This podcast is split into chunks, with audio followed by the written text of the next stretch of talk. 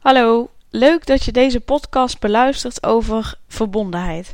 En als je mijn vorige podcast hebt beluisterd, dan weet jij ook dat in de maand juli bij Coachingspraktijk van Nooien uh, uh, het thema positieve psychologie en positieve emoties is.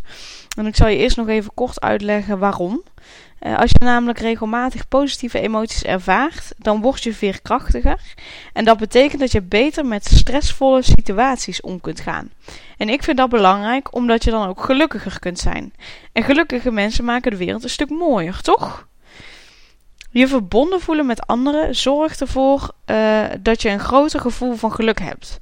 Je voelt je daardoor beter over jezelf. En uh, het blijkt dat je meer uit jezelf kunt halen als je je meer verbonden voelt met anderen.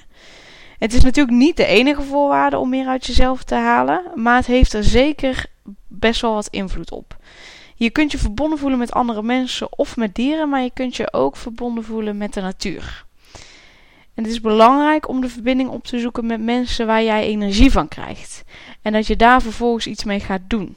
Want als jij met die mensen waar je energie van krijgt uh, dingen creëert, uh, waarmee je ook weer van betekenis kunt zijn voor andere mensen, dan ontdek je ook wat jouw toegevoegde waarde is. En dat geeft jou een gevoel van geluk. Zorg er dan ook voor dat je mensen, mensen om je heen hebt waar je energie van krijgt en waar je ook van kunt leren. Wil je weten hoe verbondenheid bijdraagt aan jouw geluk? Dan raad ik je aan om de video uh, van 365 dagen succesvol in mijn blog te bekijken. En uh, zij leggen jou daar dan wat meer over uit. Uh, ik heb nog twee laatste oefeningen voor jou. De laatste van de maand juli in deze podcast. En als eerste vraag ik je om je relaties of uit te breiden of te vernieuwen. Of allebei, dat kan natuurlijk ook. Uit onderzoek blijkt namelijk dat je je verbonden voelen met anderen voor meer geluk in je leven zorgt. En het blijkt ook dat als je vijf of meer vrienden hebt buiten je familie om, de kans 50% groter is dat je jezelf als gelukkig beschrijft. En misschien kunnen deze personen je ook helpen om uh, jouw doelen te bereiken. Want je hoeft je doelen natuurlijk niet alleen maar in je eentje te gaan bereiken. En je kunt de volgende dingen doen om je relaties uit te breiden of te vernieuwen. Uh, denk bijvoorbeeld na over een manier om een relatie te herstellen met een vriend of een vriendin of een kennis die je de laatste tijd hebt verwaarloosd of bent kwijtgeraakt. Uh, je kunt een kaartje of een brief of tegenwoordig een e-mail sturen naar een vriend of vriendin. Stel dat dan ook niet langer uit, maar laat zien dat je aan ze denkt of bel uh, iemand. Mm, ga eens iets doen waar je nieuwe mensen ontmoet. Bijvoorbeeld op een sportclub of, of een nieuwe hobby of weet ik veel. Uh, uh, maar ga ergens naartoe waar je nieuwe mensen kunt ontmoeten. Uh, spreek met een of meerdere van je kennissen of vrienden af om elke week samen iets te gaan doen. Zoals samen eten of samen sport of een spel doen.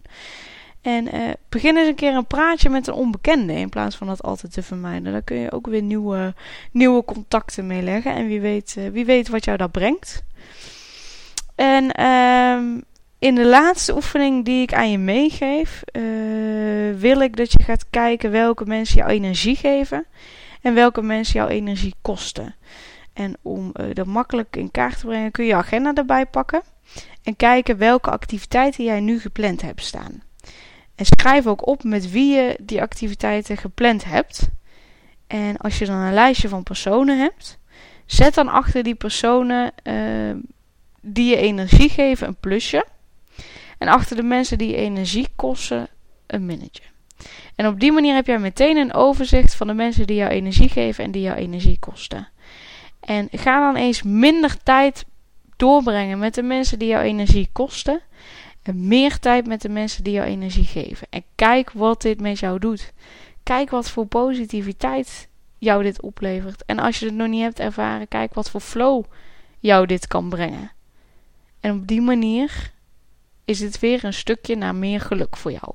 En voor mij meer mensen die gelukkig zijn en dus een mooiere wereld.